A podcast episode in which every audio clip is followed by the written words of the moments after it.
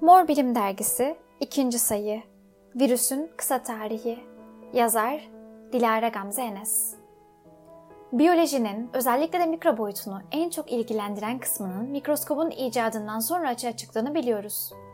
Fakat mikroskobun icadı ile bilimin inceleme alanının artmış olmasına rağmen bu tarihten yaklaşık 300 yıl sonra Louis Pasteur, Kudüs için yaptığı araştırmalarda hastalığı taşıyan mikroorganizmayı kendi özel mikroskobuyla bile bir türlü belirleyemedi. Böylece bir mikroskop kullanılarak tespit edilemeyecek kadar küçük bir patojenle karşı karşıya bulunduğumuzu belirtti. Yine aynı zamanda Fransız mikrobiyolog Charles Chamberlain bakteriden daha küçük gözeneklere sahip olan filtreyi icat etti. Böylece bakteri içeren bir çözeltiden bakteriler tamamıyla ayrıştırılabildi. Bu da o zamanların en küçük canlısı olarak bilinen bakteri terimini çürüttü. Fakat Chamberlain'in bir filtresi bizi daha da büyük keşifler iletecekti. 1892'de Rus biyolog Dimitri Ivanovski şimdiki tütün mozaik virüsü olarak bilinen virüsü incelemek için bu filtreyi kullandı ve tütünde zarar yapan gizemli bir hastalığı keşfetti. Ivanovski, enfeksiyonun bakteriler tarafından üretilen bir toksin tarafından meydana geldiğini öne sürdü. Ancak bu düşüncesini sürdürmedi. O zamanlar tüm enfeksiyöz ajanların filtreler tarafından süzülebildiği ve üretilme ortamlarında üreyebildikleri düşünülmekteydi. Bu düşünce hastalık yapıcı mikrop teorisinin bir parçasıydı. 1898'de Hollandalı mikrobiyolog Martinus Beijering bu deneyleri tekrarladı ve süzülmüş çözeltinin enfeksiyöz ajanların yeni bir formunun içerdiğine ikna oldu. Bu ajanların sadece bölünebilen hücrelerde çoğaldıklarını gözlemledi. Ancak bu deney sonucunda hastalık oluşturan partikülleri göremedi. Ajanlara Contagium vivum fluidium yani çözünür canlı mikroplar adını verdi ve daha sonra virüs olarak yeniden adlandırdı. 19. yüzyılın sonlarında virüsler, enfeksiyonları filtrelerden geçebilmeleri ve yaşamları için konağa gereksinim duymaları bakımından tanımlandı. 20. yüzyılın başlarından ortasına kadar virüsler üzerine büyük keşifler gerçekleşse de virüslerin keşfine dair en büyük atılımlardan biri 1931'de elektron mikroskobun icadıyla oldu. Virüsler böylece artık görünmez değildi. Birçok hastalığın sebebinin virüs olduğu tescillenerek aşı üretimleri, poliovirüs üretimleri hızlı bir şekilde gerçekleşti.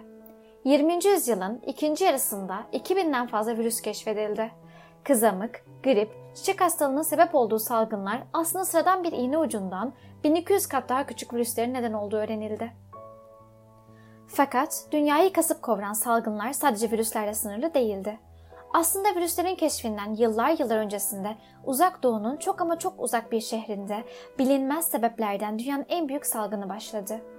Daha sonra bu salgına sebep olan bakterinin Yersinia pestis olduğu keşfedilecekti.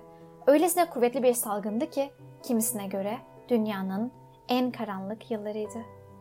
Sadece Avrupa'nın bile üçte birini öldüren, sosyal hayatı ve üretimi tamamen durduran, insanların ölen yakınlarını bir mezar kazmadan yakmak zorunda bırakıldıkları kadar karaydı. Kara veba denmesi belki de azalan dünya nüfusunun vebadan önceki haline dönmesi için 300 yıl geçmesini gerektirmesindendi. Tüm dünyada etkin olmuş bu salgının Avrupa'da onarılmaz hasarlara sebep olması biraz da Avrupa'nın içinde bulunduğu fakirlik yıllarında insanların düştüğü yemek sıkıntısı, sonrası ısırgan otundan kediye, köpeğe varıncaya kadar beslenmek adına yemek zorunda kalmalarındandı. Yani koruyucu kalkanların düştüğü, insanların en zayıf olduğu bir noktada salgın başladı ve yayılması da bu zayıflıklar nedeniyle daha hızlı oldu. İşte bu tarihten yaklaşık 670 yıl sonra takvimler 2019 yılının son çeyreğini gösterirken tarih bir kez daha kendini yineledi. Ve her ne kadar tam olarak çıkış yeri bilinmese de uzmanların söz birliğiyle hastalığın ilk defa görüldüğü yine aynı şehirde Çin'in Wuhan şehrinde gündemlerimiz dolduran bir başka vakayla karşı karşıya kaldık. Koronavirüs ya da bilimsel ismiyle COVID-19. İnsanlara ilk defa hayvanlardan geçtiği düşünülmekte olan virüsün bir başka bulaşma sebebi ise hasta insanlarla aynı ortamda veya onların bakımı sırasında yakın temasta bulunmak ya da mikroplarla kirlenmiş yüzey ve eşyalarla temas etmiş ellerle ağız, burun ve gözlere dokunmakla, hapşırma, öksürme ve konuşma esnasında havaya atılan damlacıkların solunum yoluyla alınması diyebiliriz.